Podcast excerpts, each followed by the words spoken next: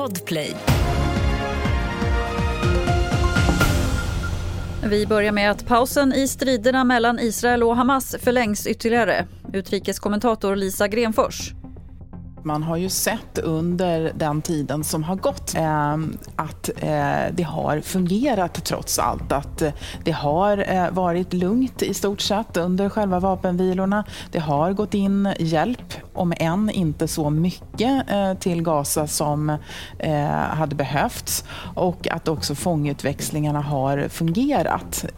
Vi ska ju också veta att den här överenskommelsen gäller ju bara 24 timmar eh, och det är en skillnad gentemot de tidigare överenskommelserna.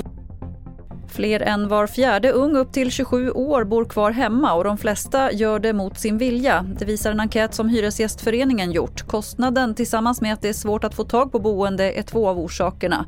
77 procent av de som bor kvar hemma säger att de helst vill flytta. Till sist kan vi berätta att Råd och Rön har släppt sin skamlista. En lista över de företag som anmälts flest gånger till Konsumentverket. I år toppas listan av företaget Din Bilgaranti. Bland de mer etablerade företagen på skamlistan finns telejätten Telenor och betaltjänsten Klarna. Fler nyheter finns på tv4.se. Jag heter Lotta Wall.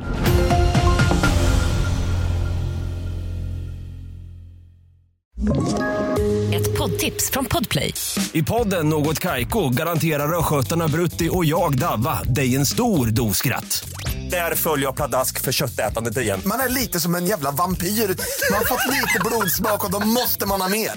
Udda spaningar, fängslande anekdoter och en och annan arg rant. Jag måste ha mitt kaffe på morgonen för annars är jag ingen trevlig människa. Då är du ingen trevlig människa, punkt. Något Kaiko, hör du på Podplay. Därför arkadeinerna.